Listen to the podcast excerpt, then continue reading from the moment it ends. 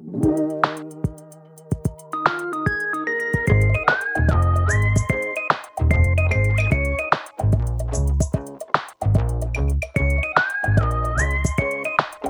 allihop och välkomna tillbaka till Byggnadsvårdspodden, en podd från Svenska Byggnadsvårdsföreningen.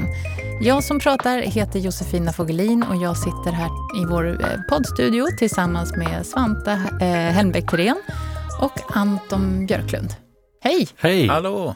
Sen vi träffades sist har du, Svante, som är konstvetare och skribent, eh, gett ut en eh, bok på bokförlaget Stolpe om kakelugnar. Ja, det stämmer. Ja. Det är en bok om kakelugnens historia då med flera författare. Så där presenteras liksom både utseendet men också varför de var så viktiga och hur de har förändrats över tid. Så, där. så det känns jättekul att den äntligen är färdig. Mm. Skönt. Var är vårt eh, recensionsex? Ja, de kommer, jag Ja, lovar. Bra.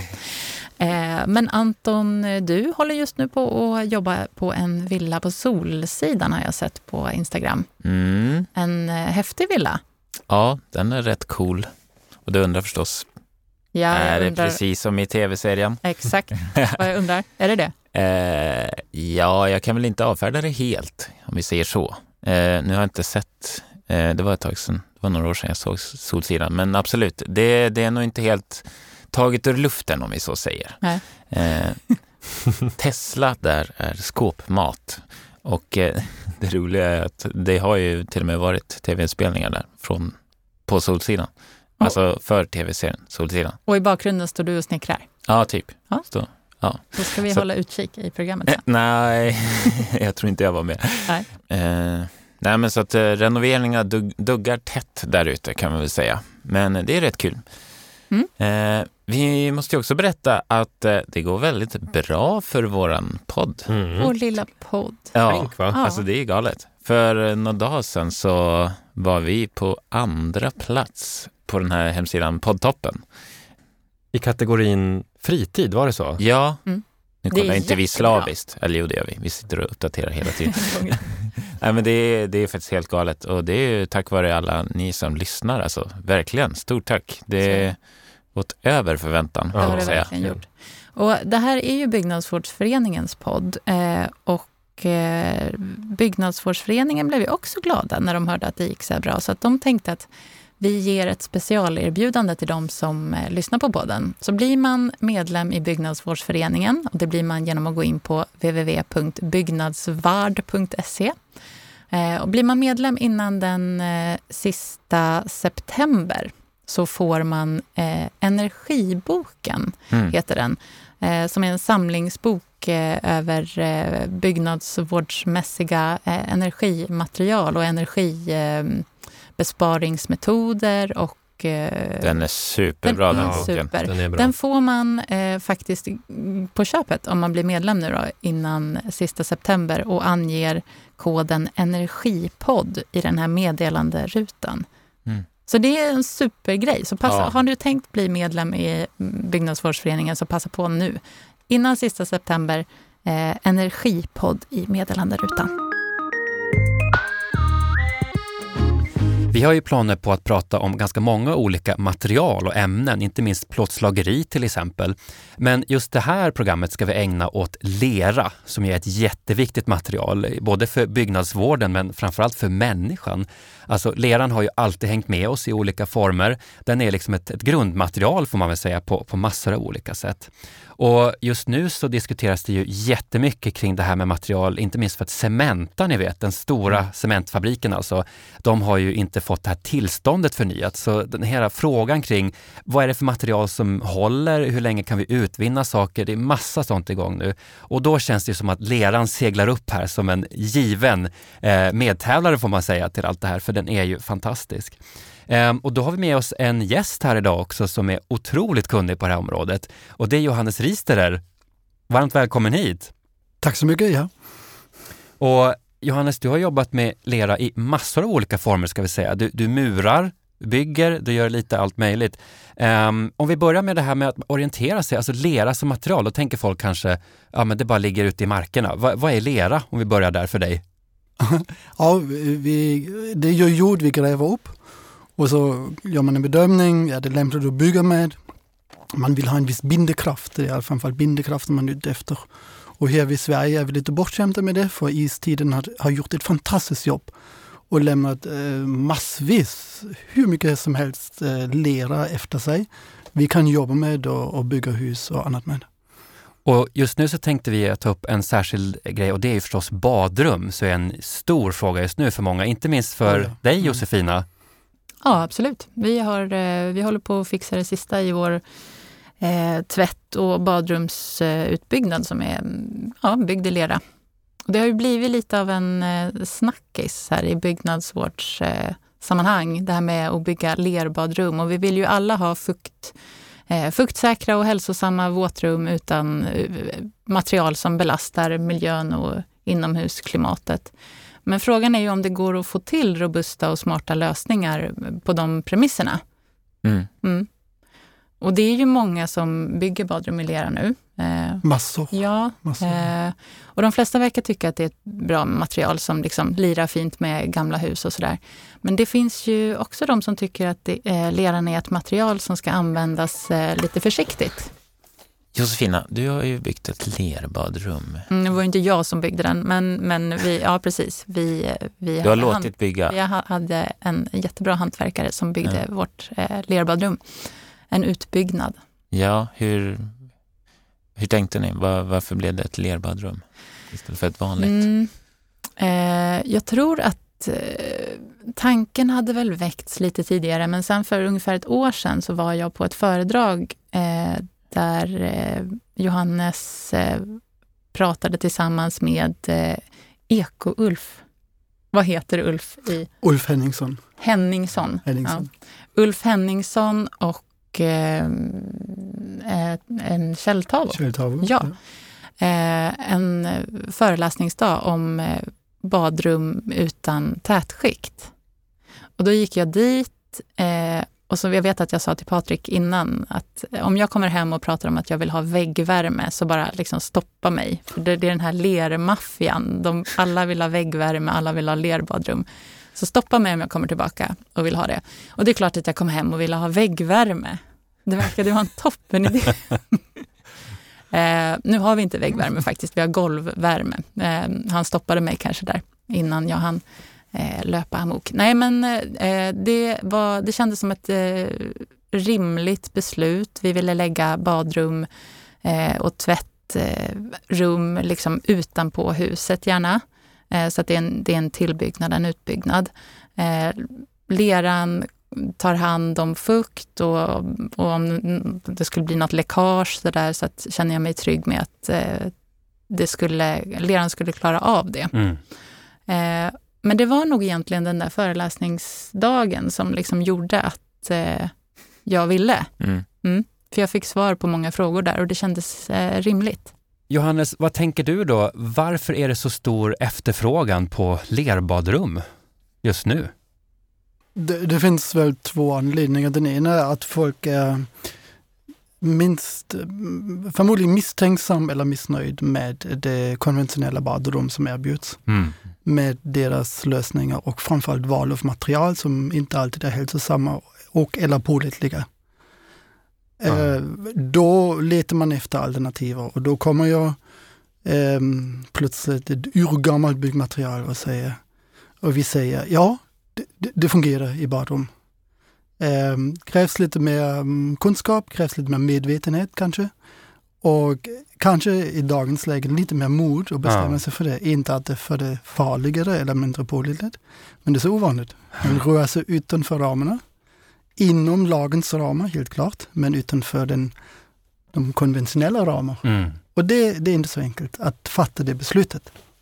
Men det är klart, för badrum är väl kanske en del av huset som normalt sett är svår att göra ekologisk eller använda material utan plast framför allt, eller hur? Absolut, Så det är ja. där som Ja, ja, leran ja. har gjort succé nu. Ja, det intressanta är ju att badrum som ett, ett, ett rum är ju inte så gammalt. Vi har ju inga historiska förebilder för badrum. Okej, ett, ett badkar i köket eller, eller bad i sjön och så, men det är inget badrum. Så nu har vi ju en enormt hög krav på våra badrum vad det gäller eh, hygien, bekvämlighet, komfort. Och, och det, då är det frågan, kan vi tillfredsställa det med sådana enkla material som trä, tegel, lera Just det. på, på ett modernt eh, bra sätt och så. Men går vi till historien har vi inte mycket hjälp egentligen där. Nej. Vi måste ju också säga det, kan inte du förklara på ett jätteenkelt sätt, vad, vad pratar vi om när vi säger lerbadrum? Ja. Om man Ja, nu hamnar precis. i det här, vadå lerbadrum? Ja, ja. Eh, Det, det, det är till och med så att eh, när jag började mitt lära för 30 år sedan, ehm, då blev jag frågad på en kurs, jag gjorde mitt lära och badrum. Och då sa det, mitt svar var på den tiden då, där går gränsen. Jag tror inte att det går. Det är ren okunskap på den tiden, Mm. från min sida. Jag visste inte bättre då. Så ju mer jag lärde mig om lera och ehm, såg ett fantastiskt badrum i, i norra Tyskland när jag gjorde praktik där, som var totalt gjort i lera. Lerputs, väggar, golv, tak. Allt var i lera. Eh, och, och en stor familj med elva barn var inget problem. Så här, eh, ett gammalt bondhus, ett gammalt korsverkeshus. Jaha, det fungerar, det har jag sett nu. Men hur fungerar det i detaljer och vad som krävs att det fungerar? Det var ju allt väldigt, väldigt spännande. Men jag kan säga, ju mer jag lärde mig om lera som byggmaterial och dess möjligheter, eh, så mer började jag förstå att det är ju ett fantastiskt material Mm. att använda, i, att, att använda lera i badrum, hur det nu ser ut konstruktivt. Det, I början kombinerade vi väldigt mycket det med konventionella lösningar. Man, man kaklade en del golv och, och en del väggar och då hade man tättryck bakom det. Och de ytorna som var kvar, de, de lerputsade vi gladeligen. Och ibland var det kanske bara taket. Men om man översätter så att säga, lerbadrum, det kan alltså vara ett badrum som har lera eller lerklätt på både väggar, golv och tak. Kan det vara delvis lera? Vad, vad, vad kan man säga att in, vad ingår i begreppet lerbadrum? Skulle du? Jag, jag använder begreppet väldigt sällan. Ja, jag säger mer så, jag använder lera i ett badrum. just det. Eftersom det ändå är en kombination, det är en konstruktion, eller Mm. hur?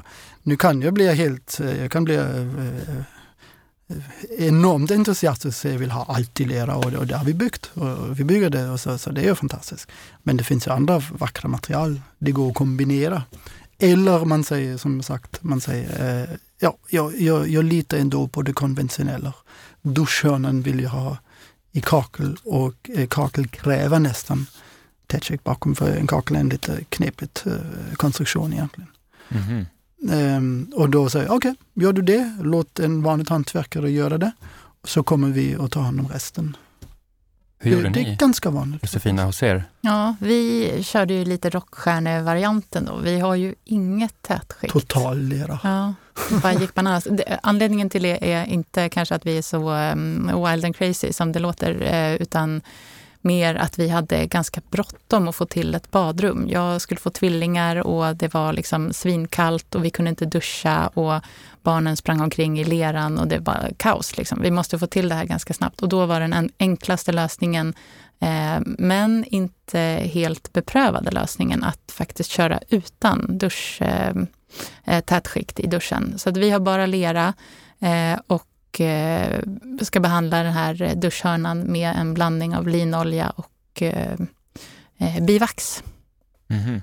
Mm. Men det är ingen duschkabin, utan det är Nej. bara Ja, vi har duschar. en duschvägg, en glasvägg som Ja. går liksom mot sidan där toaletten och handfatet är. Okej. Men annars duschar vi mot vägg, eh, Mm. vilket ju såklart är en, en risk då. Eh, och eh, har en glasvägg på andra sidan. Hittills funkar det väl, väldigt bra.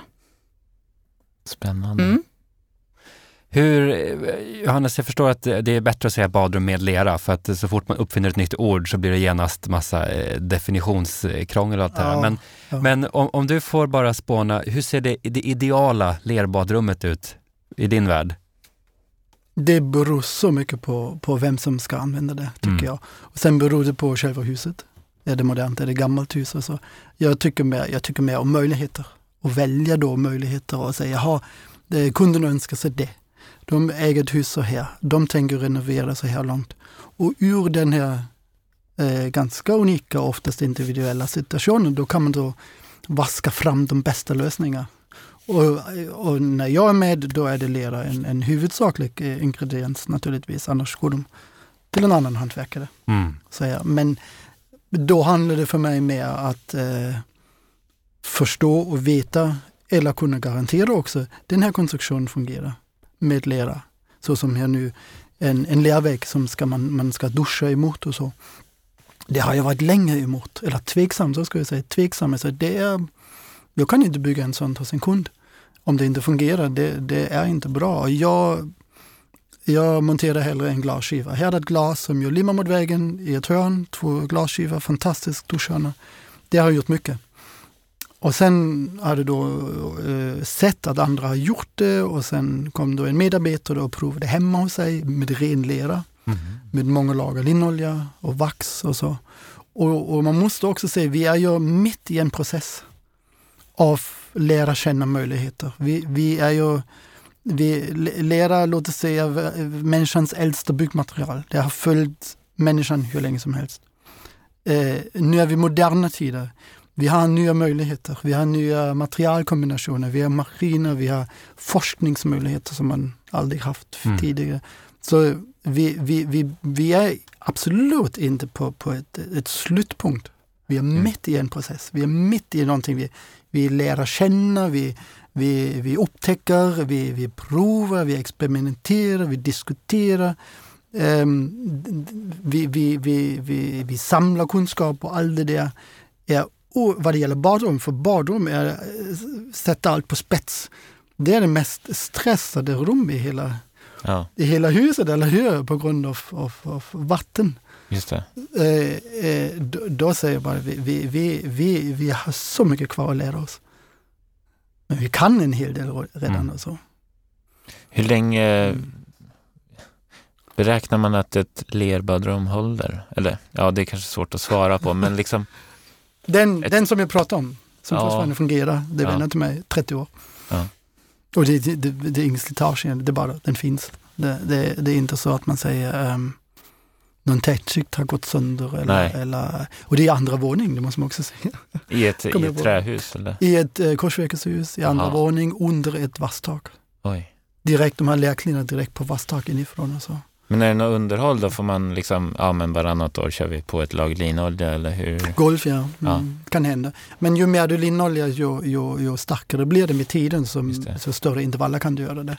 Ja. Det, det, är sådana saker som man, det är de som lever med.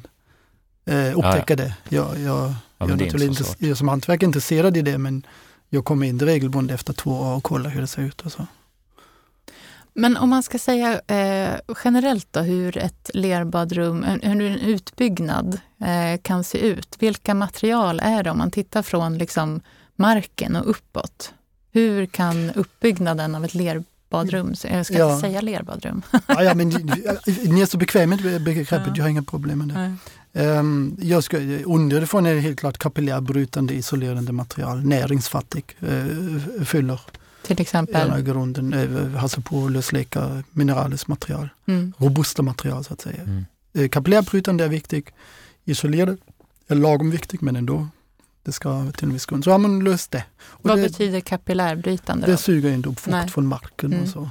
Man är säker där det suger upp, eller det suger upp, det transporterar så pass lite att eh, huset i sig kan klara av det och bli av med det. Vi pratar om enormt små mängder som, som kan vandra Alltså inte att man lägger in en, en tätskikt, redan det är en plastfolie mm. eller gjuta en betongplatta. Man kan göra det men eh, egentligen eh, föredrar jag så material som så att säga kan, kan hantera fukt mm. till en viss mån. Mm. Ganska enkelt. Och det gäller egentligen också för vägg, väggarna. Kombinationen ska ju helst vara eh, material som tillsammans kan hantera fukt. Mm. De, de, ska samarbeta så att säga. Jag ska inte vara tvungen med luftspalter eller folier hålla dem isär för de, de klarar inte av varandra. Mm. Alltså, så klassiskt exempel gyttebetong mot timmer. Katastrof för timret. Mm. Betong klarar sig bra mer eller mindre. Men, men timret lider enormt av det. Ja men då sätter vi det, det mellan en, en skärpapp eller någon annan förytringspapper eller vad man kallar det. Ja, okej, okay, men det, det, betyder inte att de är kompisar. Det, det, jag betraktar det mer som en nödlösning, eller hur? Väldigt populär. Och det säger, men kan man inte välja material som samarbetar istället att du måste vara, du måste hålla dem isär. Mm. Och det gäller för hela vägen och då hamnar man i eh, material med, med bra hygroskopiska egenskaper. Det är ju trä, det är tegel, om det är inte alltför högbränd. Det är uh, cellulosa, isoleringar vass halm, lera i högsta graden. Mm.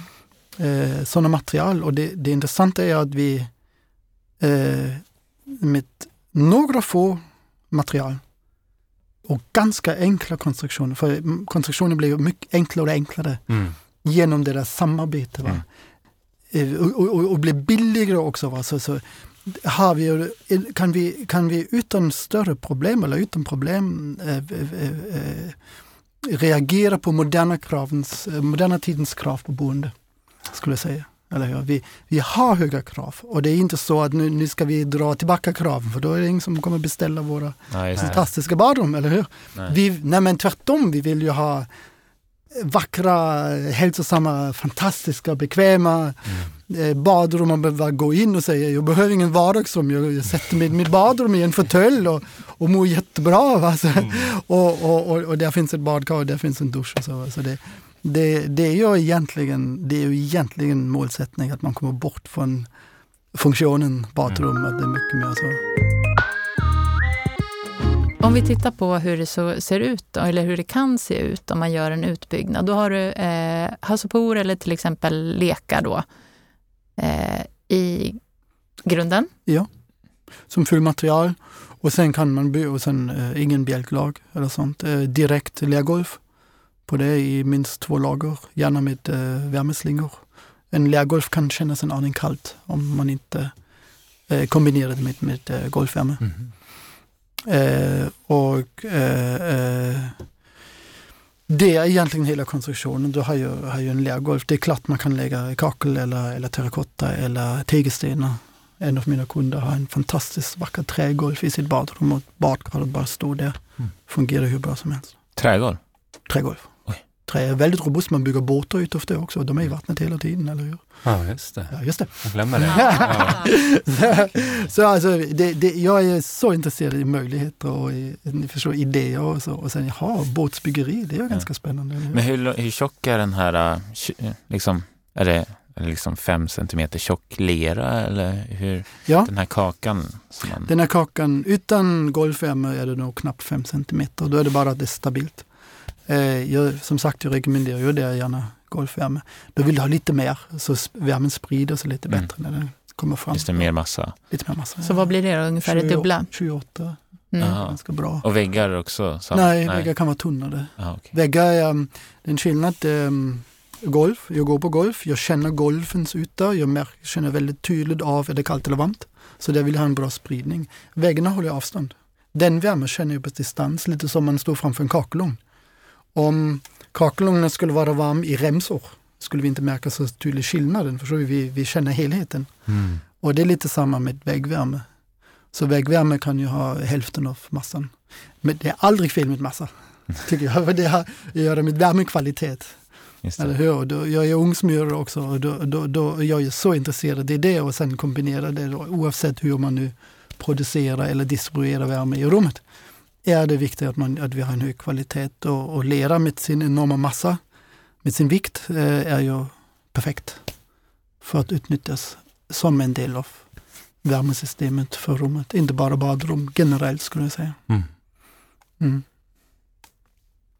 Ja, vi var ju inne lite grann på det där med, med ekonomi. Jag tror att det är många som är, eh, sitter och funderar på vad det kostar. Eh, vi, alltså ett vanligt badrum, jag jobbar ju som hantverkare, så alltså det händer ju att vi ibland gör det och det kan ju dra iväg liksom eh, Ja, man kan väl säga att det börjar väl kanske på 150-200 000 men sen finns det väl ingen, ingen gräns uppåt så att säga. Men om man gör ett i lera, vad, vad, det är förstås svårt att säga ett generellt pris, men är det liksom, är det jämförbart eller är det billigare eller?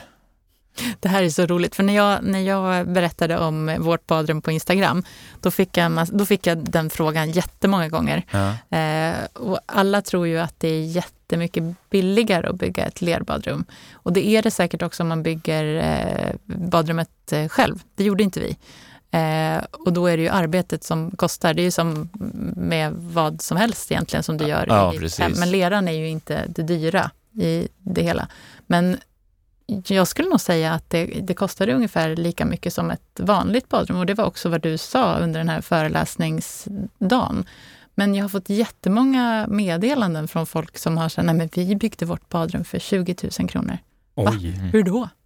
Ja, gör själv. Ja, Ja. ja. men ja, det måste... Det går inte att jämföra. Nej, precis. Det är absolut så. Men eh, det, det är klart, lerbygge och hela den balletten är ju otroligt attraktiv för självbyggare. Mm. Det är det faktiskt och man marknadsför det också så. Att ja men det är ingen fara, du bara kladdar ihop det, du bländar ihop det och sen kladdar ihop det. Och det, vissa lyckas och vissa lyckas inte så bra. Så det, ma, vissa blir sen ganska stressade av att upptäcka så enkelt är det ändå inte. Nej. Jag uppmuntrar ju alla att prova, det gör Ja. jag. Men jag säger aldrig att det är hur enkelt som helst, det säger jag aldrig. Men alla är kapabla av att Mm. jobba med lera, det, det säger jag aldrig. Kan man bygga sitt eget lerbadrum? Nej, det, Man. det, det är så Ja. individuellt. Vissa Ja, precis. är fantastiska så säger men du kom och jobba med mig, du, du kan ju allt. Och vissa säger ja, du har i alla fall försökt. Mm. så ja, så då, då, man vill ju inte vara negativ och så, men, men folk märker ofta själv sen. Men det är ju det är alltid jobbigt att upptäcka sin eh, förmågornas begränsning i en process. Det, är- det är helt enkelt jobbigt. Och då tycker jag man, man delvis som sagt uppmuntrar och delvis ändå ja, men var lite noggrann och försiktig. Finns det någon risk i det här med att man kanske uppmuntrar folk att bygga ett badrum som ändå... Det är ju dyra konstruktioner. Det kan bli, jag menar om, om någon hemmafixare gör fel då och det blir skador. Finns det någon risk i att uppmuntra folk att Det- försöka själva? Självförlera är inget problem. Egentligen är det ju, vi går in och om vi putsar ett, ett, vardagsrum eller, eller badrum, det är inte allt för stor skillnad. Det är armaturerna som kostar, det vattenrör. Mm. Om det inte är proffsigt gjort, då har du en katastrof. Men det är inte lera som orsakar problemet, det är ju vattnet eller Ja. hantering av vattnet som inte är proffsigt gjort. Va? Och rörmokeri, jag, jag håller mig bort från det, för jag, jag, jag tycker det är en väldigt allvarlig sak. Det, det är det som elektriker, eller hur? Du vill inte leka med det, du vill inte experimentera med den. Så det ska, vara, det sitter, ska sitta som berg, det ska vara jättebra. Och det skulle jag nog ändå säga från liksom beställarsidan är en, en där finns det så här utvecklingspotential att jobba med, med rörmokare som förstår de här eh, grejerna. För det finns ju inte många. Nej. Mm. Och, och inte produkter heller. Vi, vi vill ju ha vissa golvbrunn till exempel. Golvbrunn är en känslig eh, punkt Mm. oavsett vilket material du väljer. Eller Det, den ska vara högsta kvalitet och konstruktionen ska vara stark och stabil och eh, orörligt. Och, och de som finns, de är alla skräddarsydd för eh, badrum med tätskikt. Mm. Och de, och de passar in då så riktigt. Och så. Och nu, nu har vi experimenterat och letat och letat och delvis är vi tvungna att beställa sådana som de finns inte på något lager. Och, så. och då beställer vi tio stycken så vi har dem. Och så. Men vi har börjat med, med någon, någon ränna som man monterar ehm, parallell med väggen. Mm. Alltså unit rain, eller? Ja. De är fantastiska för, i vårt arbete. Så. Ja. De är lite dyra och så, men då säger jag okej, mycket annat är billigare istället. Vänta nu, vad är det för något? Ja, det är, den kom väl för några år sedan. Det är liksom en ränna så. Den kan man ju... En brunn Ja. i form av en ränna, inte Ja. runt. Det är, en Det är ränna. väldigt Så. populärt Ja. nu. Och sen har man istället att det är lutning från alla sidor. Ja. Då lutar det bara som en ramp neråt. Mhm. Väldigt enkelt, enkelt att kakla också.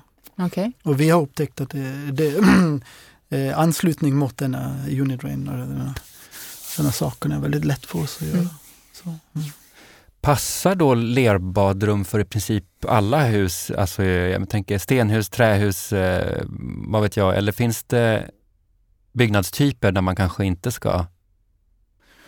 Vi, vi är, oavsett, um, oavsett hur huset är byggt eller om det är först eh, på bottenvåning eller andra våning eller flerfamiljs, alltså flervåningshus. Den, den har vi inte gjort än, måste jag säga. Um, då måste jag skapa förutsättningar, det är säkert. Men igen, lera är inte problemet. Det är vatten det. som orsakar problem. Mm. Men om den inte fungerar, då ska ju lera helst fånga upp problemet. Eller hur? Mm. Och där till exempel finns, eh, där mm, finns hur mycket eh, möjligheter som helst att, att forska och experimentera och kolla, ja men hur bra är det egentligen?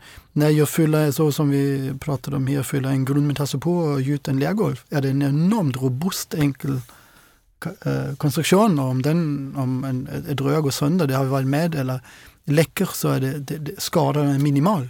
Lätt att laga, lätt att hitta, lätt att laga. Enormt billig att laga. Går inte att jämföra i, i det närmaste med en konventionell badrum. Mm. Var man river upp och skadar tätskikt och sen är det nästan till omöjligt att, att laga den. Så där måste du snabbt De rekommenderar nästan att man byter ut hela badrummet. Mellan eh, lergolv, gräva Mm. upp, hitta problemet och fylla på och göra ny, ny Ja, det. Det, eh, vi har varit med i som sagt eh, enormt billiga lagningar. Snabba, billiga lagningar.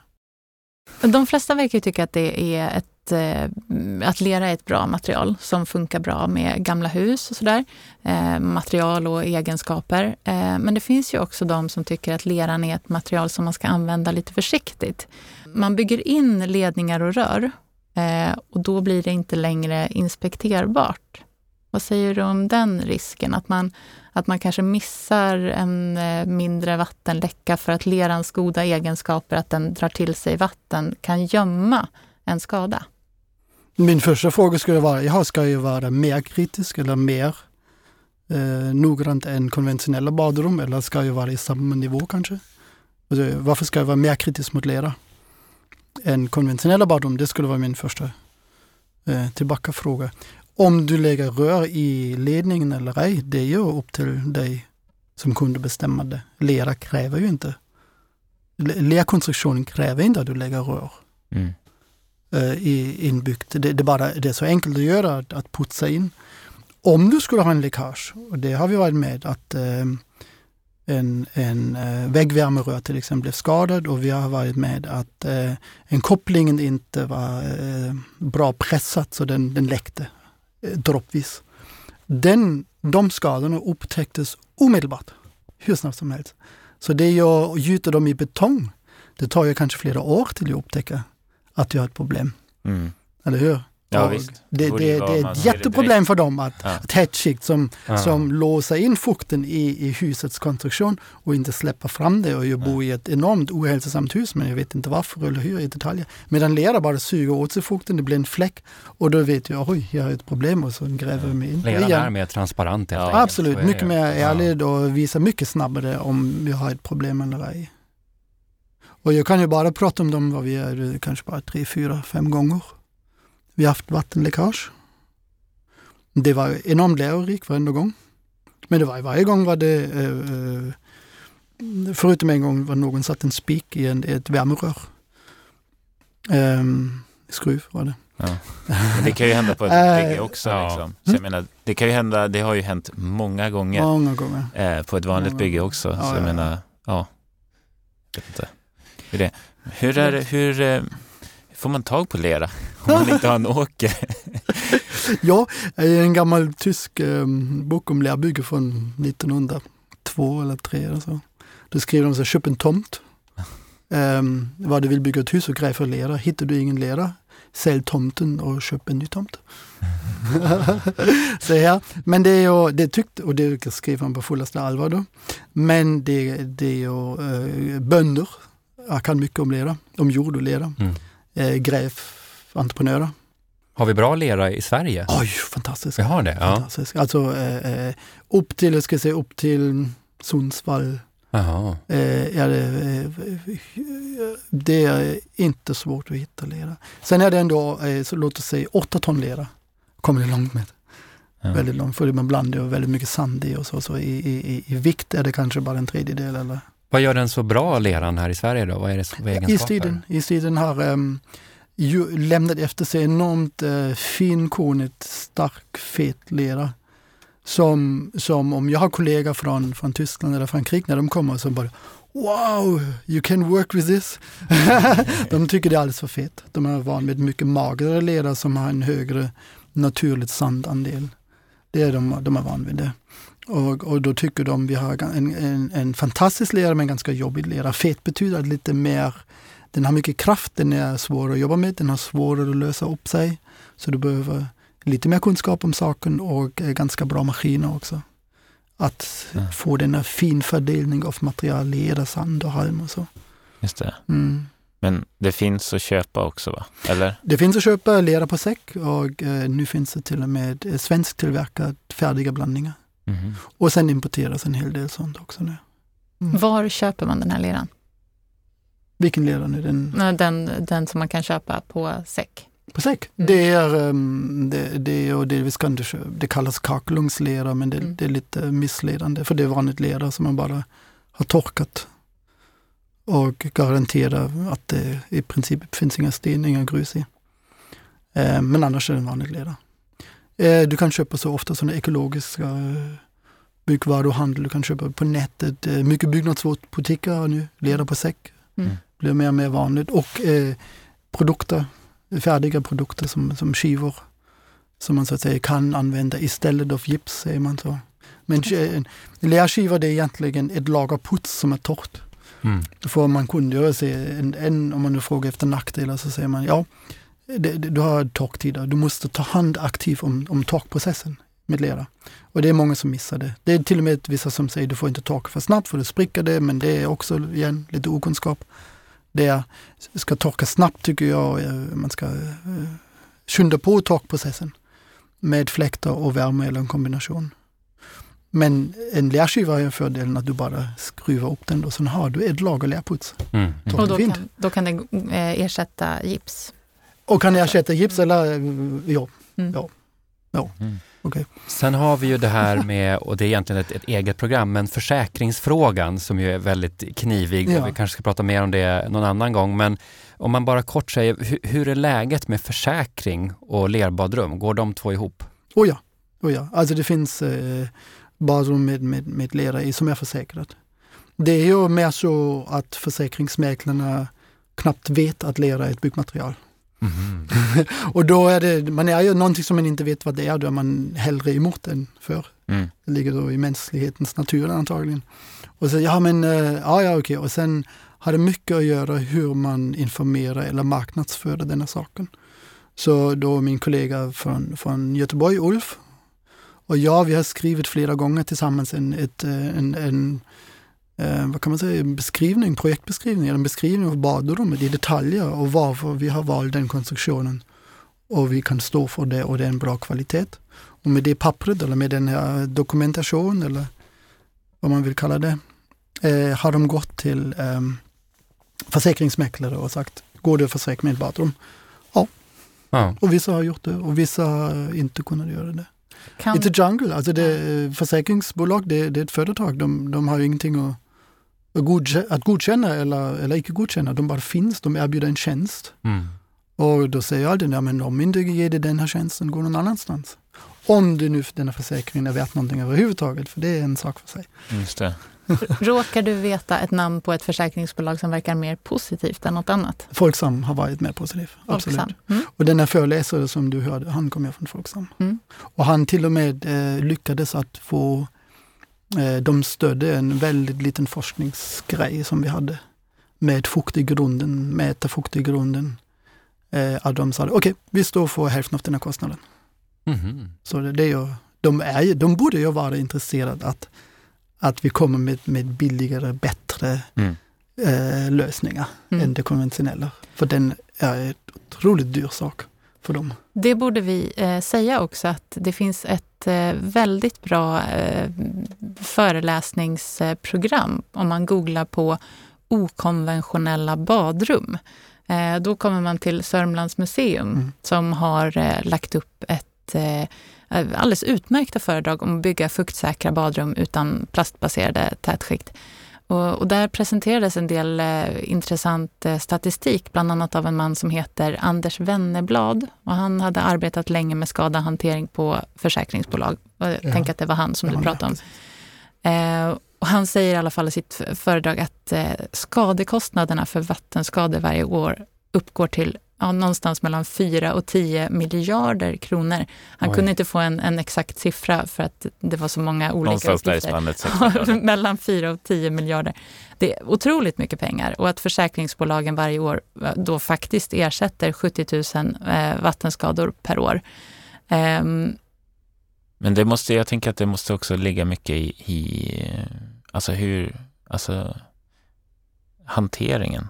Eller att man, man, jag tänker naivt kanske, men att gemene man kanske bara tänker, ja men det är bara att bada och sen bara låta vattnet vara typ. Eller duscha eller någonting. Men att man faktiskt rengör eh, ja, vattenlåset Ja. eller att man skrapar av vatten ner. Alltså, men vi är så också kanske vana vid att splasha vatten runt oss hej vilt. Mm. Eh, kan du säga någonting om det? Borde vi förändra våra liksom, eh, va, badrumsvanor. Ja. Ta det lite mer Nej, lugnt det, nej, jag är ingen taliban. Nej. Nej, det, det, är ju, eh, det är ju privat. Det är privat. Jag kan ju, jag ska, du kan ju bara erbjuda en, en produkt eller ett material eller idéer. Men jag kan absolut inte gå till kunderna och säga du får inte bada så här. Eller du ska disciplinera dina barn att de ska sitta still i badkaret. Det skulle vara helt vansinnigt. eller? Mm. Då, då, är man, då, är man, Ja, då, då, det- då är man en diktator. Eh, det går inte. Men- Tvärtom egentligen skulle jag hellre säga. Ja, ja, splaska på värre än någonsin. Det, det fungerar bra. Hellre det att vi hittar sådana lösningar. Det skulle vara mycket roligare egentligen. Mm. Eller hur? Så jag är den sista som säger var försiktig. Det var jag kanske säger, var mer medveten om vad du har. Mm. Och för och nackdelar och så. Det, det, skulle, det, det kan jag säga. Men då har du ändå gått från att vara lite tveksam till det här med att duscha mot vägg till att tycka att det, det finns lösningar som Absolut. funkar för det. Absolut, Mm. jag är från en Saulus till en Paulus. Jag, jag har sagt nej till yes. Mm. Mm. Ja, det här, det här och nu har, jag, nu har jag kollat upp det mycket mer. Jag har kommit i kontakt med folk med, med kunskaper som jag saknar om utbehandlingar, eh, olja och vaxer som du har nämnt. Va? Som, som, har, som är kemist och så, va? så som säger, jaha, eh, Eh, berätta mer, berätta mer. Och han säger, ja men berättar du mer om lera och så. Alltså, och, så alltså, jag, jag är precis nu i en, en, en fas, man säger, eh, eh, eh, vi har gjort så mycket, vi har provat så mycket, vi vet att det fungerar. Men eh, vi vill veta mycket mer. Eh, för att kunna erbjuda ännu bättre lösningar. Så det är mycket forskning som återstår kan man säga också Ja, det om tycker här jag. Ja, ja. framtiden. Och det är så enkelt, alltså vi, ingen oss har pengar precis för att lägga ner på systematisk forskning. Det är ganska dyrt sådana saker. Så det är väldigt små grejer vi försöker oftast i våra egna hus. Åh, det fungerar, åh, då gör vi det för en kund. Så här, va. Eller man träffar någon med kunskap som har pluggat det eller haft sin egen liten forskning och så. Och då, och då sätter man ihop och det händer ju mycket i huvudet, man tänker mycket. Och, Jaha, om det fungerar det och det är det, om jag sätter ihop fungerar det kanske tillsammans ännu bättre. Sådana saker. Men man förseglar allting med, nu blir jag lite teknisk här igen, man förseglar med linolja, är det så? Det är liksom, eller? Det är en möjlighet. Men nu är det ändå så, eh, om du, vi blandar till och med linolja i själva blandningen. Aha. Det gör jättemycket. Att börja med, det är en väldigt bra början. Ah, Men linolja tar bort eh, den egenskapen från lera den är bäst på. Hantera Ja. fukt. Just det. Ja. Mm. Så vi skiljer väldigt tydligt mellan fukt i form av rinnande vatten, där var man duschar eller Mm. eh, sprutar vatten, alltså rinnande vatten och den andra är fukt i form av gas. Och sen kondens i sin värsta form. Okej. Så det, det måste vi ha klart för oss att vi pratar om, om olika fuktsituationer. Och då finns det olika eh, krav eller lösningar. Så där var du duschar vill du ha den, den starkaste fuktsäkraste yta. Men en meter bredvid vill du ha precis en annan egenskap. Med, med samma material. Va? Mm. Ja, det är ju fantastiskt. Om vi kan så att säga eh, låta materialet vara eller manipulera den så det kan det och det. Och du ser inte ens en skillnad i ytan så ungefär. Vad det, det, ja, det är så som ni hade. Eller så, ja, det är en putsad yta men här är det behandlat eh, mer eller med något annat. Mm. Och då får ju den egenskapen. Och här har ju lera kvar som bäst. Jag Hantera fukt. då. ja, jag, kan, men jag kan ge som exempel hur vi gjorde. Eh, i, eh, först ser ju allting bara putsat ut, allting är liksom lera. Eh, och sen så, jag tror att vi la på typ, vad var det då? Fyra, fem lager olja i duschen faktiskt.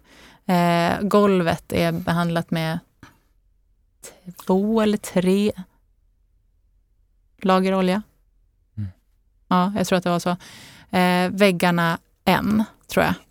Eh, mindre än golvet. Så att golvet är liksom mer eh, vattenavstötande, vad man ska säga, än Okej. väggarna. Och sen efter det så målade vi med äggoljetempera. För det är väl, det kan vi ju också prata lite om. Vad finns det för typer av färger som, som man kan måla med utan att liksom försämra le, lerans egenskaper?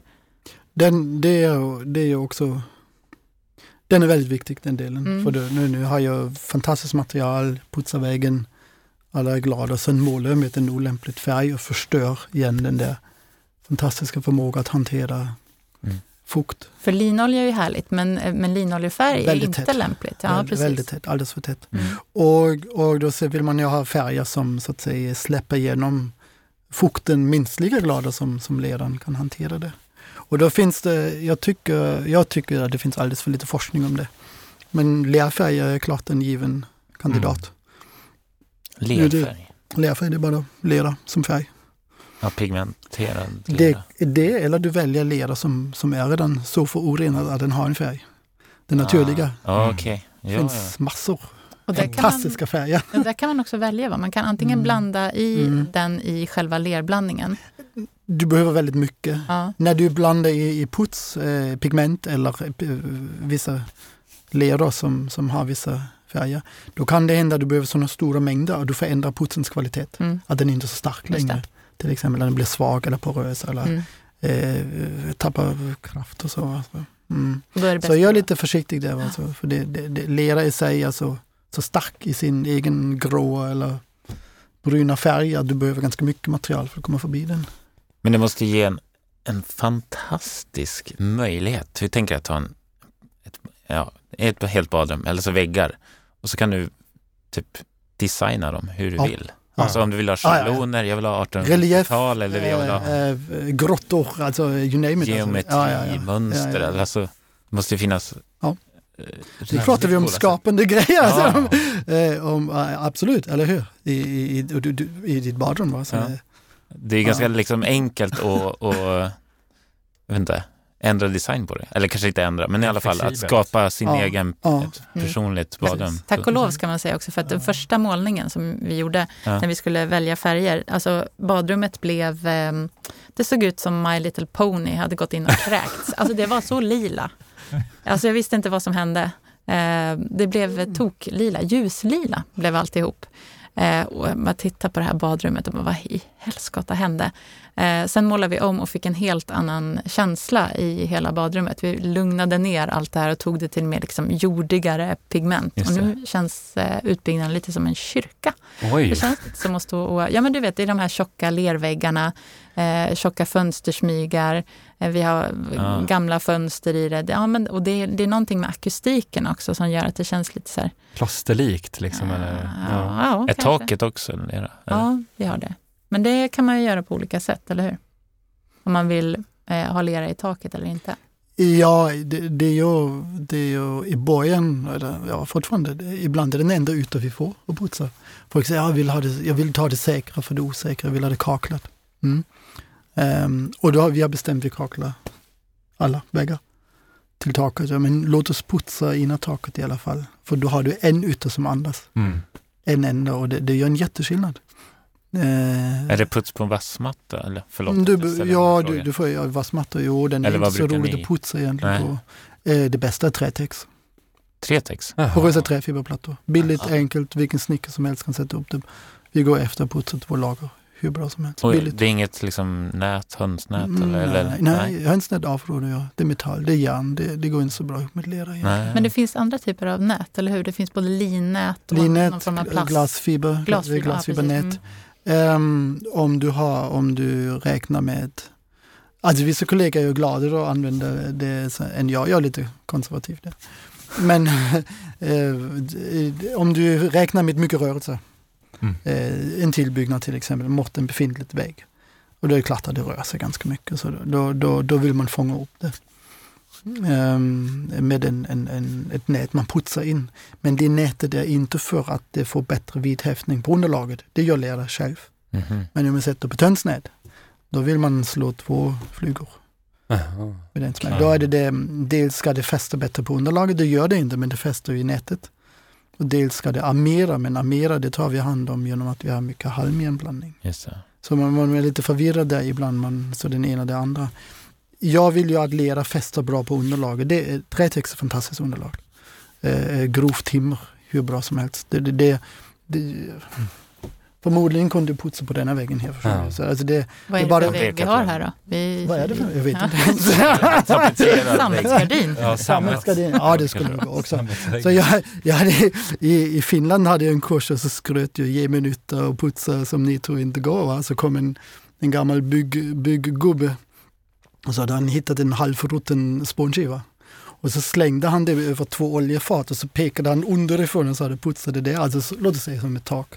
En rutten spånskiva. Ja. Och så satt jag där under och putsade den och så. och det var inget problem. Alltså. Eller glas och sådär. Vi har ju haft mycket glasskivor i, i badrum. Eller har det fortfarande. Ja. Och, och, och då putsar jag på glas för att limma den mot, mot en vägg. Ja. Så jag använder glas som... Du har gjort mig till en believer. Jag Ja, säger men- det, när man gick på den där föreläsningen så kommer man hem och vill ha väggvärme. Det är det som händer. Ehm, Roligt!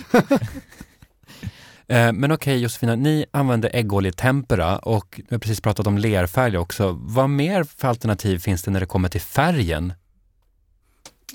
Vi vill ha den, den, den, den fantastiska egenskap lera har, behålla Ja. och inte förstöra via en Färgen utbehandling. ska inte täppa till, det är det viktigaste. Nej, precis. Och då, då har vi jobbat mycket med tempera och nu, igen, allt är en process har jag hört, tempera är kanske inte så bra som alla säger. Men vi har aldrig haft problem med tempera. Vi har upplevt tempera som en väldigt bra färg och väldigt Mm. lämpligt färg. Men nu har någon börjat då testa det och sagt, mm, den är bättre än linoljefärg, men linoljefärg är en ganska tät färg. Ja. Så alltså, det, det, det är ju mitt i. Kan, Är, är limfärg, är det för eh, färgen- poröst eller vad man ska Nej, säga? den är säkert bra. Den är väldigt gammal och väldigt känsligt. Den skulle jag aldrig använda i ett badrum. Den är ju, den, det, det ger bara fläckar. Mm. Sen finns det te- tempera är en emulsionsfärg. Det finns ju andra typer av, emulsionsfärger med, med moderna ekologiska ingredienser. Och sen kalkfärg, helt enkelt. Gammal hederlig kalkfärg är Ja. säkert jättebra. Kalkputs på lerputs är inte så fantastiskt men kalkfärg inomhus är det säkert en fantastisk färg. Vad har du själv? Lerfärg. Lerfärg? Jag är lerfärg. Vilken, vilken färgton ungefär? Ja, den är någon slags eh, ok- okra. Ockra, okej. Så ja. lite varmare, gulare. Ehm, ja, det är det. Eh, Min, min fru på den tiden då, hon bestämde det så jag, jag byggde badrummet. Mm. Du får inte fråga mig om mitt hus för det bryter mot alla regler vad jag sitter och pratar om. Så jag har mycket material i mitt hus som, ehm, som inte ska finnas helst, tycker jag. ehm, men vad säger du Johannes, tycker du att det har gått ett mode i att bygga lerbadrum? Um, ehm, det, det, man har börjat prata väldigt mycket om badrum, absolut. Och, och, och det byggs ju mycket. Det hur mycket som helst. I min lilla värld. Men vi är ju en nisch vi som håller på med lera. Så det byggs förmodligen inte ens en procent badrum i lera. Så det, det är ju långt från en mode. Däremot skulle jag aldrig vilja kalla det en mode för det är ju, kommer ju inte ur att eh, idag har jag sådana kläder och imorgon har jag sådana kläder. Det, det kommer mest ur en, ett missnöje med konventionella lösningar. Och, och där möter vi också, där möts ju egentligen ekologiskt byggande och byggnadsvård. För byggnadsvård är väldigt tydligt om att moderna material ska vi vara försiktiga med. För de den passar eller ej, vanligtvis passar de inte i det vad vi vill göra med gamla hus. Bevara dem och, och, och bevara deras karaktär och nästan till förstärka den eller återskapa den till och med ibland. Och ekologiskt byggande säger vi, vi, vi, vi, vill, vi är intresserade i hälsan, vi, vill, vi är intresserade i miljön, den, den inre och den yttre miljön. Vi är intresserade i att människan mår bra. Och jag tycker att det finns så mycket eh, överlappande intresse och så. Men vi kan absolut inte hävda att vi anknyter till historiska förebilder när vi bygger badrum. För badrum så som vi har nu, det är modernt Mm. oavsett hur vi bygger den. Så det är bara att, eh, vad har jag för krav på mitt badrum?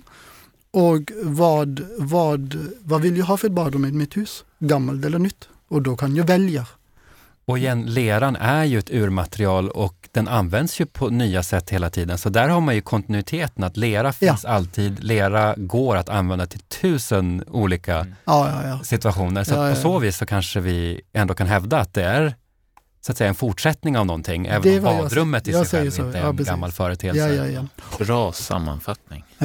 Eh, vi fick en fråga eh, som var så här, vem ska inte bygga ett lerbadrum? Och jag har funderat lite på den frågan. För jag vet inte om du Johannes skulle säga att nej, men alla ska bygga lerbadrum? Skulle du? Nej, det skulle jag aldrig säga. Nej. Nej, nej, nej. Vem, vem, skulle inte, vem ska inte ha ett lerbadrum? De som inte vill. Nej. nej, nej, men det är ju rimligt. De som inte vill, det, Ja. de ska inte ha ett. Nej. Det kommer, gå, det kommer inte gå bra. Nej, de som, inte, de som känner sig för oroliga, de Ja. som känner att det här Ja. eh, känns Det- inte Det bra i magen. man tar. Det är ett beslut man tar. Ur eh, en val. känsla eller ur kunskap eller något annat. Mm. Men ehm, eh, jag tycker vi det, det är, det är man, vi rör oss utanför ramarna. Mm. Det kommer man inte få. Vi är, vi är inte mainstream. Vi är, in, vi är inte mode än alltså. Inte ens i närheten. Vi är, det är bara någonting i rörelse. Mm. Det är det jag skulle säga. Och den tycker jag är jätteroligt och jättespännande och bra och viktigt. Det tycker jag. Men jag skulle eh, absolut inte propsa på någon eh, idén av ett eh, badrum med lera. Med lera i. Aldrig. Jag skulle också lägga till att jag tror att man ska inte ha ett lerbadrum om man tänker att det här lerbadrum, nu bygger jag ett, ett lerbadrum, ett badrum i lera och sen är det klart. Jag tror att man ska vara beredd på att det kommer eh, behöva underhållas, det kommer behöva eh, lagas, men eh, det är ingen panik om man får en skada i leran. Utan det är relativt enkelt att laga det här. Man, alltså hade man byggt ett badrum för 200 000, ett konventionellt vanligt badrum, eh, och fått en, en, en spricka någonstans, då hade man ju blivit, då hade man fått panik. Då hade man ju varit tvungen att ta upp allting, göra om tätskikt. Så är det ju inte nu. Vi hade ju problem med eh, när vi gjorde oljningen av leran, att vi gjorde det antagligen för tätt inpå. Så att linoljan hann inte oxidera innan vi hade på nästa lager. Och det betydde att eh, när vi var tvungna att ställa in eh, tvättmaskinerna så var leran fortfarande lite för mjuk. Så vi fick ett stort jack i det här nya badrummet och höll ju på, på nu orkar vi inte mer. Men det är, inget, det är inget stort problem. Man inser ju det efter ett tag, att det här är liksom ett material som... Ni la en matta ovanför? Nej. nej, nej, vi har målat, det syns inte så mycket än eh, längre. Men eh, det här är ju någonting som går att laga. Skulle vi, vi har fått en liten, liten eh, spricka som också antagligen berodde på att eh, vi var för snabba med de här eh, innollningarna. Vi lät det inte torka klart mm. oxidera klart innan. Och när man har förstått det, att det här är liksom ett, det här är inte ett, eh, det här är inte klart. Det, eller det, det, är klart att det är klart, men det kommer behöva underhållas. Det kommer mm. att, man kommer att få ha tolerans för att eh, det behöver en annan tidslinje än för ett vanligt badrum ja. och eh, andra konsekvenser om det ja. blir en skada. Ja. ja. Men det är byggnadsvårdare ganska vana vid. Så är det. Mm. Det hänger ihop. Kittar, fönster och så vidare. Ja. En liten parallell kan jag väl säga. Vi la ju om taket förra sommaren och då eh, kom det en regnskur helt plötsligt och jag hade inte hunnit täcka allting. Sen på morgonen efter så såg jag liksom att taket, att det, för det var spännpapp i taket, eh, så det var lite blött där. Och det är lite samma sak där, att man, man får en indikation nästan direkt ja. att det är någonting som läcker. Hade det varit eh, ett hus byggt som man gör idag, eller från, ja, vad kan det vara, 60-talet och framåt med plast och gips. Du hade ju inte sett den och så hade den fått växa där och, och leva sitt egna liv, kanske ja, men flera år. Det är därför jag tycker det är så fantastiskt med material som kan hantera fukt. För nej, men efter några dagar, då hade det där torkat upp. Mm. Det var, det var, det var sågspån i taket, det reglar och papp och en diffusionsöppen eh, färg. Det är som att de gamla materialen, de, de pratar med oss mer. Ja. Är det så? De säger till snabbare. Ja, men det var ingen, det var ingen liksom katastrof. Så att, eh. Jag funderar också på, eh, många tänker väl att badrum, det ska vara liksom kliniskt rent och inte dofta någonting ungefär. Hur är det i ett badrum med lera? Hur, hur är atmosfären där inne? Doftar det till exempel lera? Nej, lera är luktfritt. Alltså lera för att kunna känna lukten behöver du ju fukt. Eh, små, små, små föroreningar sätts upp med eh, vattenmolekyler om vi andas in dem då känner vi lukten. Mm. Alltså, djur andas ju ut ibland när de nosar på någonting. De, de, när man andas ut har man ganska mycket fukt i den här luften. Man, man, man fuktar upp det vad man nosar på. Um, lera har en extremt låg fuktkvot eh, och har därmed en uttorkande konserverande effekt mot trä och annat organiskt material. Och det betyder att det är luktfritt. Känslan i ett rum är um, den är fantastisk skulle jag säga, men jag är så icke-neutral naturligtvis. Den ska upplevas tycker jag. Den är svårt att beskriva. Den går inte att mäta. Den, det, jag kan mäta temperatur, jag kan mäta eh, luft, luftfuktighet, ja. luftrörelse, jag kan mäta allt möjligt. Hur jag känner i ett rum gå inte och mäta. Nej. Och det är kanske bra så. Så då ska man, man ska uppleva det. tycker jag. Och, och, och jag önskar ju alla att de, att de upplever någon gång ett, eh, i alla fall ett, ett vanligt rum i lera.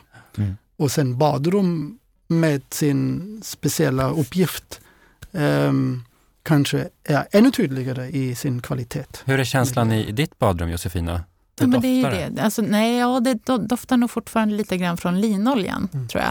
Eh, men annars var det en fruktansvärd process där under, eh, under torkningen när jag var gravid och mådde så fruktansvärt illa och det var eh, byggfläktar och, och värme och eh, hästbajs. Eh, ja, det var ju, men det var ju liksom, vad då, två veckor. Sen försvann ju det. Eh, idag luktar det nog lite svagt av linolja, mm. som jag tycker luktar gott i, i moderna badrum man har lyckats att, att komma fram med ett material som torkar härder otroligt snabbt. Det är ju nästan på dag, nästa skikt, nästa skikt, nästa skikt. Så man kan ju bygga badrum på, jag hörde en vecka och så, alltså, och sen är färdig. Mm. När det är väl organiserat. Det kan inte vi erbjuda med lera. Vi har torktider, framförallt härdningstider och så. Och det kan man säga, vad är det, men okay, vad är det, vad är det nackdelen med lera? Eller mm, lera i badrummet. Det är torktiderna och härdningstiderna och de av putsblandningen och eh, när man olja eller vaxar och så. Och, och att eh, även en, en temperafärg som är torkad, som jag kan gå på, inte är stark. Den, den, den styrkan kommer ju med tiden, det tar flera veckor, månader nästan. Och det blir bara starkare och starkare och så. Men den snabbheten kan inte vi erbjuda Nej. på det här sättet. Så hur lång det, tid tar det om, om, man, om man skulle skynda på allting så mycket det går? Hur, långt kan man, hur, hur lång tid kan det ta? Ska vi säga om vi satsar på helt med snabba torknings eh, fyra veckor. Och då är det inte fullanvändbar, då är det lite så som du beskrev det. Ja men i början var det så mjukt mm. och så sårbar. Mm. Men efter några veckor då var det helt annorlunda. Mm. vi är färdiga efter fyra veckor. Mm. Men sen har du den, efter, den processen efter som egentligen är ganska viktig också. För så var det verkligen för oss. Alltså efter, ja. När vi hade gjort klart allting och det där bad, eh, vad heter det, tvätt eh, tvättmaskinen kom på plats, då kände jag så här, men det här kommer ju aldrig hålla. Vi kan inte låta barnen leka här inne. Om de kommer hit och slänger en, liksom, en bil eller någon leksaksbil på, på väggen, då kommer ju den paja. Vad har vi gjort? eh, men sen några veckor senare, då är det faktiskt en helt mm. annan situation. Leran är hård. Mm. Den är motståndskraftig. Jag, skulle inte ha, jag har inga problem med att låta barnen leka där inne. Mm. Och det vore ju helt sjukt att ha ett badrum där barnen inte kan mm. leka. Eh, det går inte. Eh, så att eh, idag är det ett eh, robust material, så uppfattar jag det. Men sen är det ju, får se då, nu över tid, liksom, hur funkar det här med den här duschväggen och ingen, mm. ingen duschhörna, inget eh, kar sådär. Mm, det mm. återstår att se. Men fyra veckor låter ju ändå väldigt överkomligt om man ser på ett badrum som ska hålla i kanske 30-40 år. Men Verkligen. oj, vi sparade två veckor, vad bra vi var liksom för 20 år sedan. Mm. Alltså, Nej. kom igen. Så är det stora perspektivet kanske. Ja. Mm. ja, vi fick ju, vi gjorde ju en sammanställning av frågorna här och det var en lyssnare som undrade vad tadelakt är. Och det undrar jag också. Hur uttalar man det? Tadelakt. Tadelakt. Inte T, T uttalar man inte på slutet. Tadelakt. Tadelakt, okej. Okay. Som en Cadillac. Cadillac.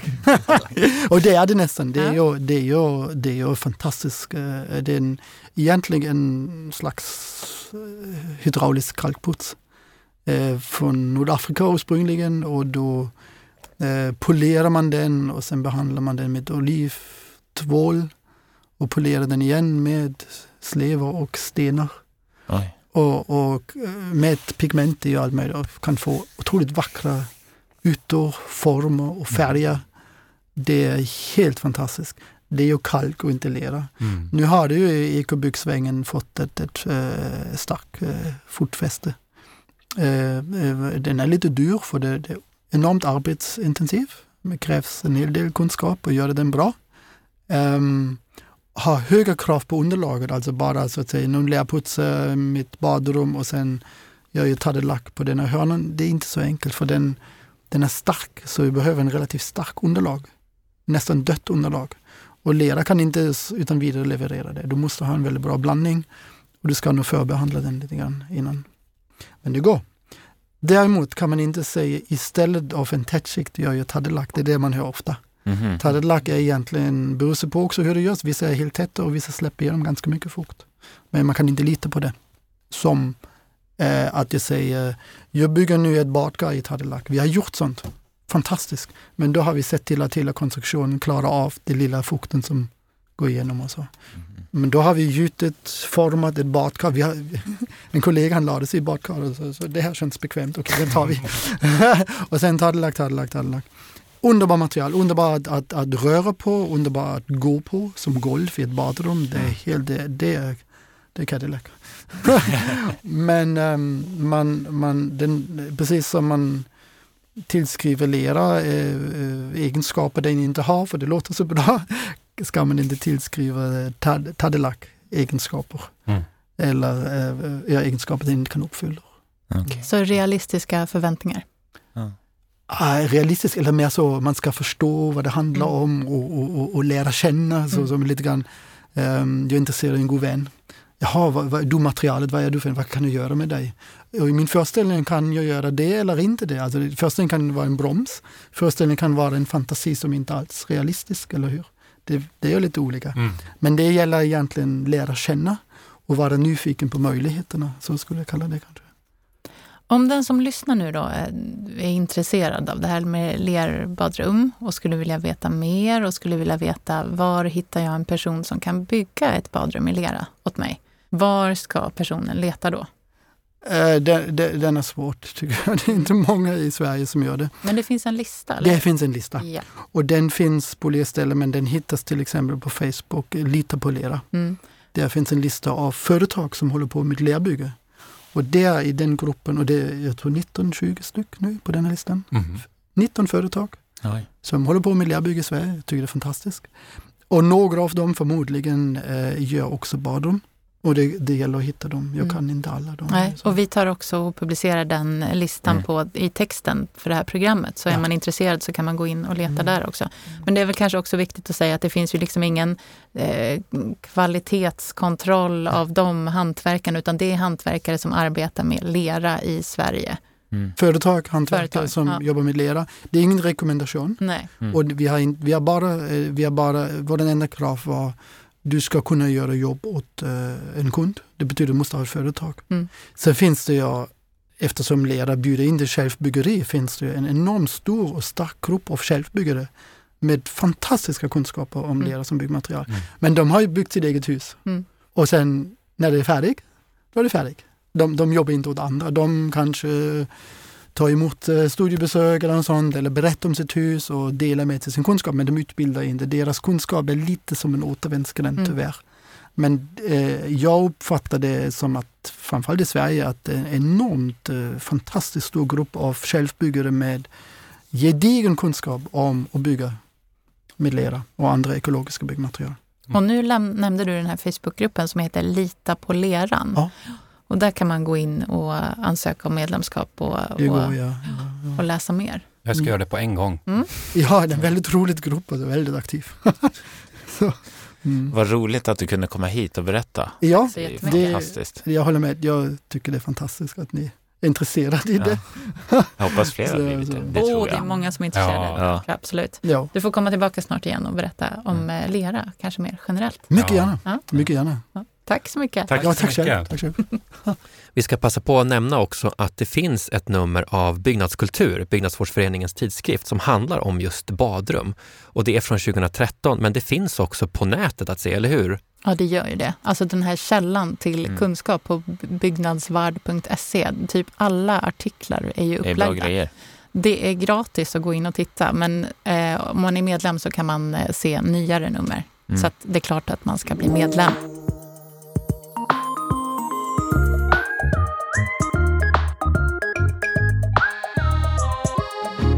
Nu ska vi gå över till Byggnadsvårdsföreningens eh, nyhetsredaktion. Den är väldigt liten, bemannad av eh, bara oss.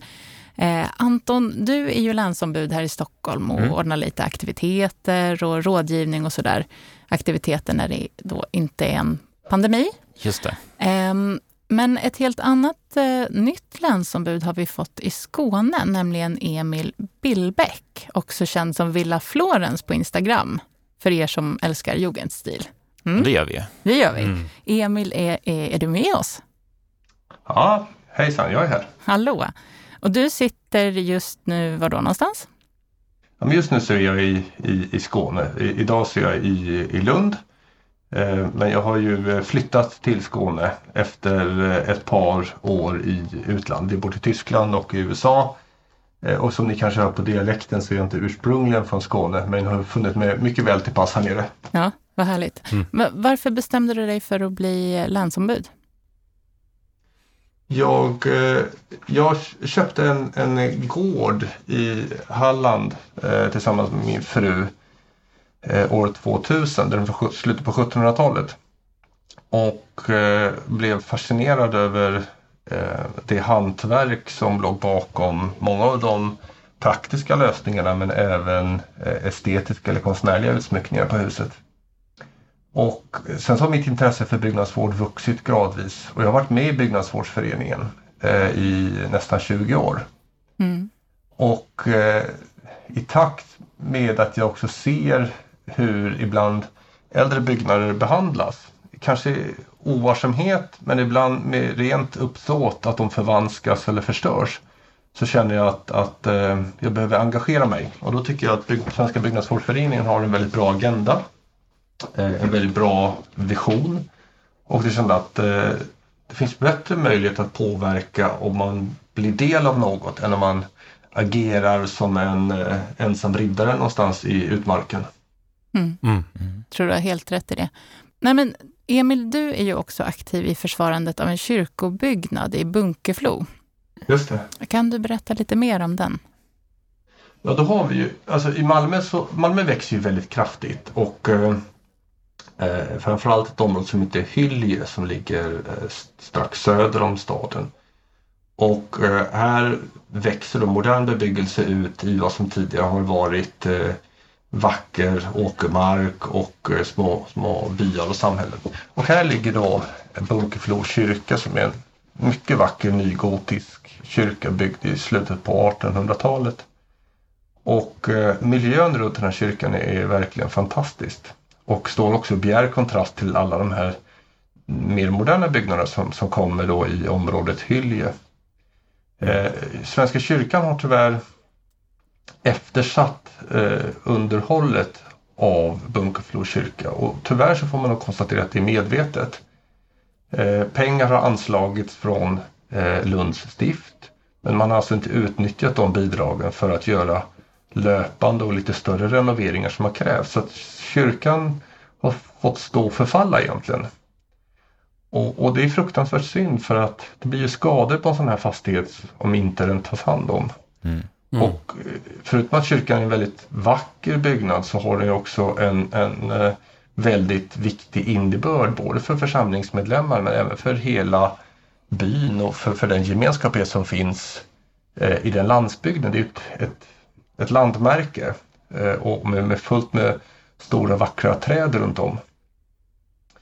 Eh, så att jag och det andra läns, ett av de andra länsombuden här, Arianna, vi har engagerat oss för att eh, eh, synliggöra egentligen vad som händer med den här kyrkan. Men även ställa beslutsfattarna eh, i rampljuset för att förklara hur man kan låta något sånt här ske. När det då pågår i, i, i väldigt stor kontrast till vad församlingen själva har uttryckt. Man vill alltså eh, få tillbaka sin kyrka. Den är stängd sedan 2017.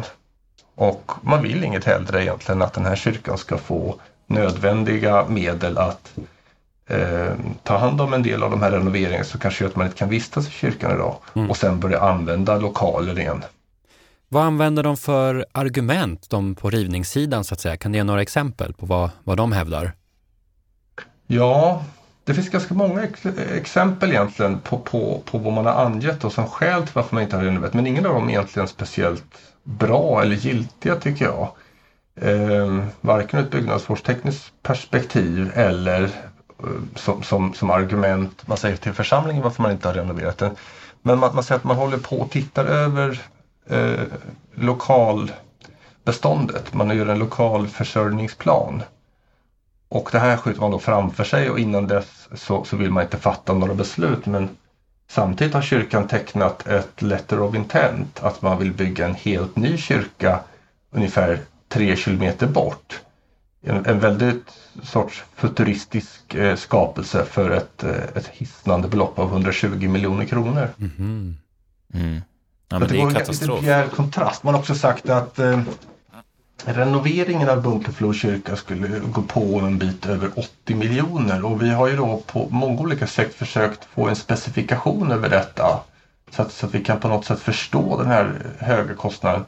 Men den finns inte att tillgå så att det är lite av det här som jag tror vi har sett på många håll eh, i Sverige och runt om i världen när, när man blåser upp en potentiell renoveringskostnad till den grad att oinformerade beslutsfattare beslutar sig för att riva istället. Mm. Vilket vi tycker hade varit en tragedi på en sån vacker byggnad.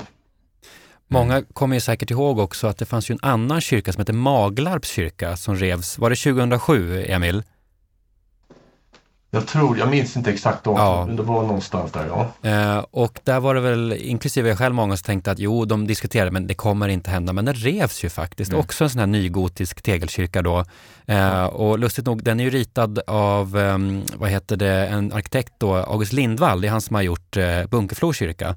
Eh, men han hade ju en tid eh, också kompanjonskap med en annan arkitekt eh, som hette Harald Boklund och det var han som ritade Maglarp. Så att de är olycksdrabbade, de här arkitekternas verk kan man säga. Men eh, det här med kyrkor, det är ju en stor fråga i framtiden, det är en jättefråga. Hur ska kyrkorna klara sig och så vidare. Eh, vad tänker du, vad kan man säga för motargument? Varför behövs kyrkorna? Varför ska man lägga, säg då 80 miljoner på att renovera en sån här kyrka? Ja, jag tror att eh, jag håller självklart med dig att, att, att det finns en mängd kyrkor där man kanske inte har ett församlingsunderlag och där måste man ju ta ställning till vad gör man. Här har man visat i, i eh, församlingen och i närområdet att det finns ett jätteintresse av att, att, att få liv i kyrkan igen. Eh, både religiösa högtider men, men, men även eh, aktiviteter för, för bygemenskapsheten. Och, eh, och du sa det, varför ska man renovera den här? Jag, jag tror, personligen tror jag inte att det kommer gå på 80 miljoner. Men om det nu är en sån hisklig summa så får man väl titta stegvis vad som krävs och eh, om man renoverar äldre byggnader över tid så undviker man ju också att de här stora kollapsande renoveringskostnaderna eh, dimper ner. Mm. Tak och liknande, se till att inte det kommer in vatten i kyrkan. Eh, Det är ju fortfarande tror att man- billigare än att, än att riva och bygga en ny. Det var ju Ja. 120. Så att, eh, och det kan ju inte kosta Jag- 80 och, och bara hindra den från förfall. Jag menar, om det var Nej. så sent som 2017. Jag menar, Jag håller helt med dig. Och, och jag tror att det kan vara, den kalkylen kan säkert vara lite eh, uppblåst att man vill då Mm. antikvariskt återställa kyrkan till punkt och pricka. Men, men kanske får man ha lite kompromisser och kanske får man ta det också stegvis för att nå fram till en, en vettig lösning. Men här har man ju i alla fall, alltså vi hade ju ett möte i söndags och, och, och över 100 personer dök upp för att också diskutera med beslutsfattarna, eh, alltså kyrkopolitikerna. Eh, och det var stundtals en bit eh, hetsk debatt för att det finns en stor eh, emotionell koppling till den här kyrkan som, som ligger i den här lilla vackra byn. Mm. ja. Och ett problem är väl också där med summor, att sådana här debatter, när man liksom bara slänger ut sig en summa så har man inget att jämföra med, eller hur? Alltså jag menar, okej, vad kostar det att renovera en simhall? Alltså, och vad, och vad ger simhallen för långtids... Alltså, det, känner du igen det, Emil, att, att det blir väldigt svårt att prata om det här just för att pengar är så märklig Det sak finns att ju prata andra om? värden också. Ja, Pengar. Kan det inte också vara som, som Stefan Fickle sa i förra programmet, när man ger eh, en stor byggfirma i uppdrag att ta på sig ett sånt här eh, projekt, så har inte de rätt kompetens och då blir det väldigt dyrt för dem att, Ja. att göra det. Men om en, om en liten eh, byggfirma skulle få ett, eh, ett liknande uppdrag, så skulle de kunna räkna på det på ett mer eh, realistiskt projekt, eller på, på ett mer realistiskt eh, sätt. Ja, ja men jag tror också det. Och eh, framförallt tror jag inom Svenska byggnadsvårdsföreningen också på andra håll så finns ett enormt nätverk av duktiga hantverkare. Eh, jobba med oss, alltså ha en dialog med oss. Mm. Så, så, så kan vi tillsammans då utröna vad är det som behövs och vilken ambitionsnivå ska man ha. Men jag tycker de här uppblåsta eh, renoveringsofferterna de används som ett eh, stoppkort i, i kortspelet Uno ungefär. Att Mm. man, man slänger fram det och säger att 80 miljoner, ingen diskussion. Mm. Mm. Och så ska man gå vidare därifrån men, men det behöver inte vara 80 miljoner. Så vad är den verkliga siffran och hur ska den se Precis. ut? Och där tycker jag en dialog är det minsta som man kan begära när det gäller en, en, en, en kyrka som, som inte bara tillhör eh, Svenska kyrkan utan som även tillhör bygden med tanke på hur den ligger placerad. Ja, vi känner igen, eh, känner igen precis hela den här eh, debatten från Mm. eh, Tullhuset på Blasieholmen. Just det. Som jag var ganska aktiv i, liksom, i den föreningen som ville försvara den. Det var precis samma argument liksom. Och man använde liksom, ja men, dels pengarna och liksom, sen har man inte, man har medvetet eftersatt under- underhållet för att man bryr sig inte om byggnaderna. Det är Mm. Mm. provocerande. Sorgligt Ja, verkligen. också. Ja, det är det. Vad är det som händer nu då med allt det här? Vad är liksom i rull? För, för kyrkan Ja. så, så är det ganska mycket saker som har dragit igång här. Men framförallt att få en, en medial också uppmärksamhet kring eh, kyrkan. Och eh, det är ett, kommer att bli ett politiskt beslut. Det är ju kyrkorådet i Malmö som, som ytterst då med, med kyrkopolitikerna fattar detta beslutet. Mm. Och eh, vi vill förklara för dem att det här kommer att, eh, deras positioner och deras beslut kommer också att eh, eh, ha en avspegling i hur församlingsmedlemmar och liknande röstar i kommande kyrkoval. Mm. Så att just nu så jobbar vi med att lösa upp de här knutarna och få till en dialog Mm. eh, i god tid innan kyrkovalet den 19 september. Och vad säger politikerna då? Är det något parti som är mer aktivt än något annat? Ja, det är det. Det är eh, Socialdemokraterna som har det största mandatet eh, i eh, pastoratet. Har, vill flytta fram och säga att beslutet kommer men det kommer sen, någon gång i framtiden. Men Socialdemokraternas representant vet ju också att man har tidigare lämnat in en ansökan om att få riva kyrkan som man drog tillbaka efter det att det blev en 1600 namnunderskrifter som vände sig mot detta. Mm. Så att det visar att den demokratiska processen på något sätt ändå fungerar. Mm. Eh, sen har vi på andra sidan en, en gruppering som heter eh, Frimodig kyrka, eh, Sverigedemokraterna och även Centern som har sagt att man eh, tycker att den här kyrkan har en väldigt viktig betydelse och att man snarast möjligt ska påbörja de nödvändiga renoveringarna. Så det Mm. finns lite olika grupperingar här och vi försöker jobba såklart självklart helt politiskt obundna Mm. Och opolitiskt oberoende. Eh, men ändå få, försöka få fram någon typ av ställningstagande. Eh, inte minst för att församlingsmedlemmarna ska ha någonting att förhålla sig till. Om man vill hjälpa till nu då, om den som lyssnar vill göra någonting, finns det någonting, kan man skriva på någon protestlista eller finns det någonting som man kan göra? Ja, absolut. Vi har startat en Facebook-sida som heter eh, Rädda Bunkeflo kyrka. Jag tror den heter Ni får googla Bun- Bunkeflo kyrka på Facebook och eh, där har vi också kopplat till en eh, lista med, med eh, där man kan då eh, förse med sin namnunderskrift. Eh, om man tycker att det här är ett dåligt beslut som sagt och att den här kyrkan ska stå och förfalla och kanske till och med rivas. Eh, och jag tycker också att när man, det man, när man kan söka sig fram på sociala medier, både på Instagram och på Facebook, så får man gärna ta och dela på sina egna plattformar så att vi får så pass mycket uppmärksamhet så att eh, kyrkopolitikerna känner att det här är nog ett, ett väldigt dåligt beslut att låta den här kyrkan stå och förfalla ytterligare. Sen finns det säkert också information på byggnadsvård.se, gissar jag, under gula listan, eller hur? Ja, där finns också en, en representation av ämnet. Jättebra. Då lägger vi upp lite länkar där också så att det är Ja, det vore kanon. Tack. Mm. Toppen. Eh, tack så mycket Emil för att du hade tid att vara med oss. Vi får eh, återkomma och se vad som händer med det här ärendet. Ja, lycka till! Stort lycka till. Tack så mycket. Ja, det är jag som tackar. Tack så mycket. Ja, Hej, hej. tack, hej.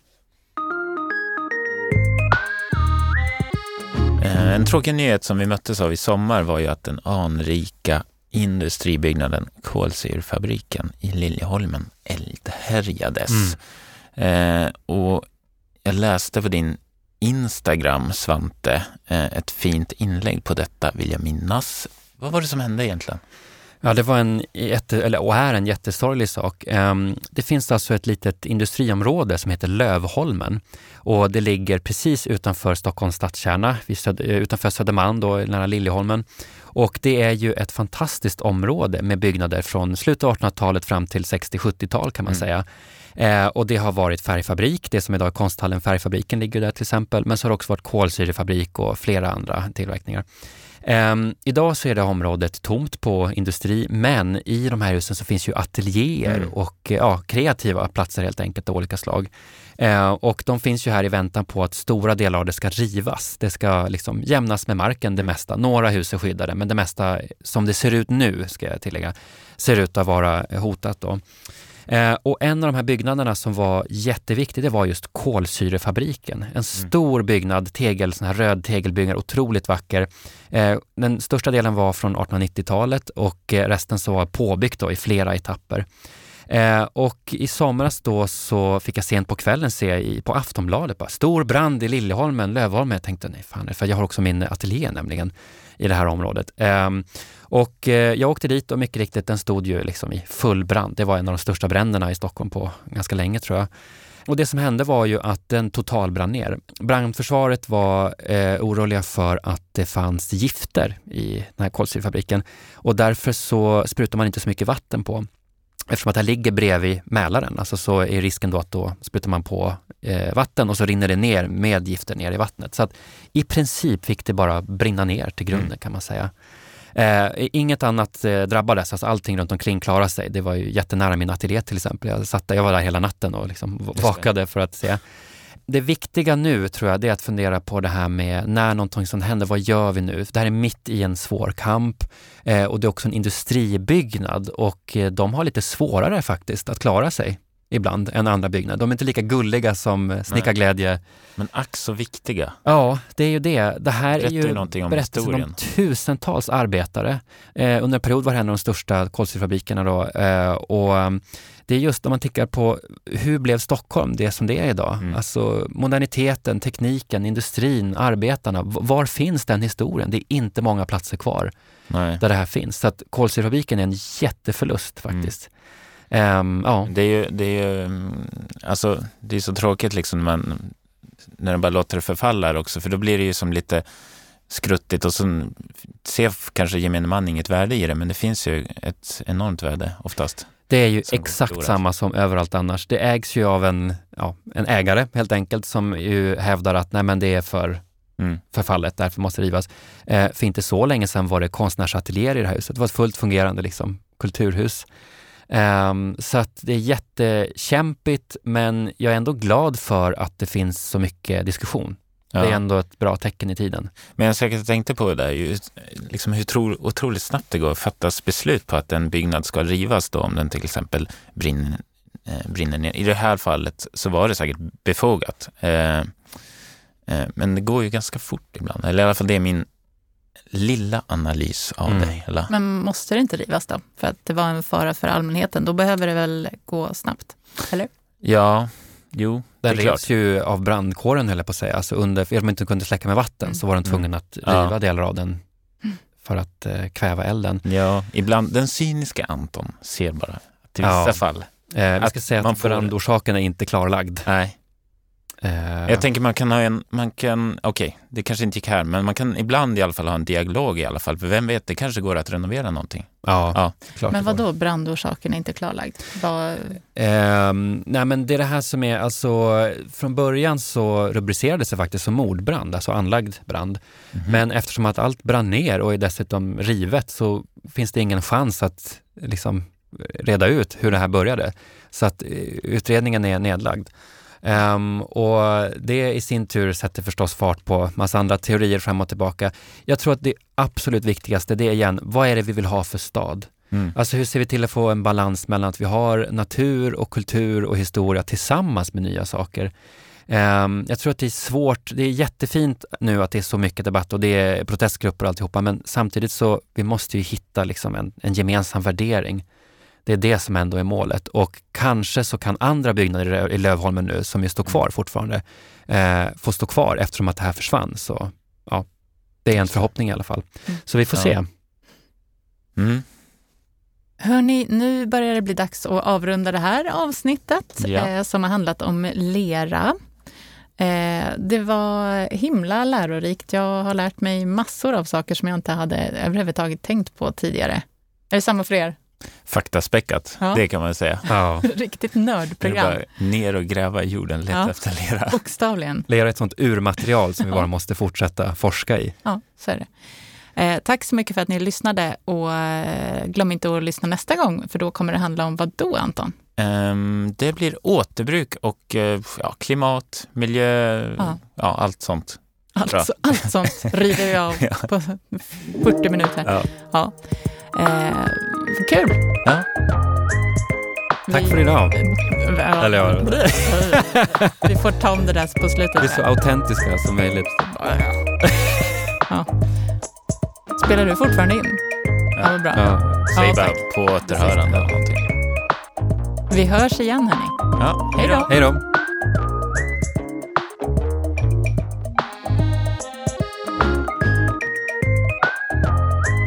Lyssnat på ett avsnitt av Byggnadsvårdspodden som görs i samarbete med Svenska Byggnadsvårdsföreningen. Du hittar oss på sociala medier och fler avsnitt på www.byggnadsvard.se.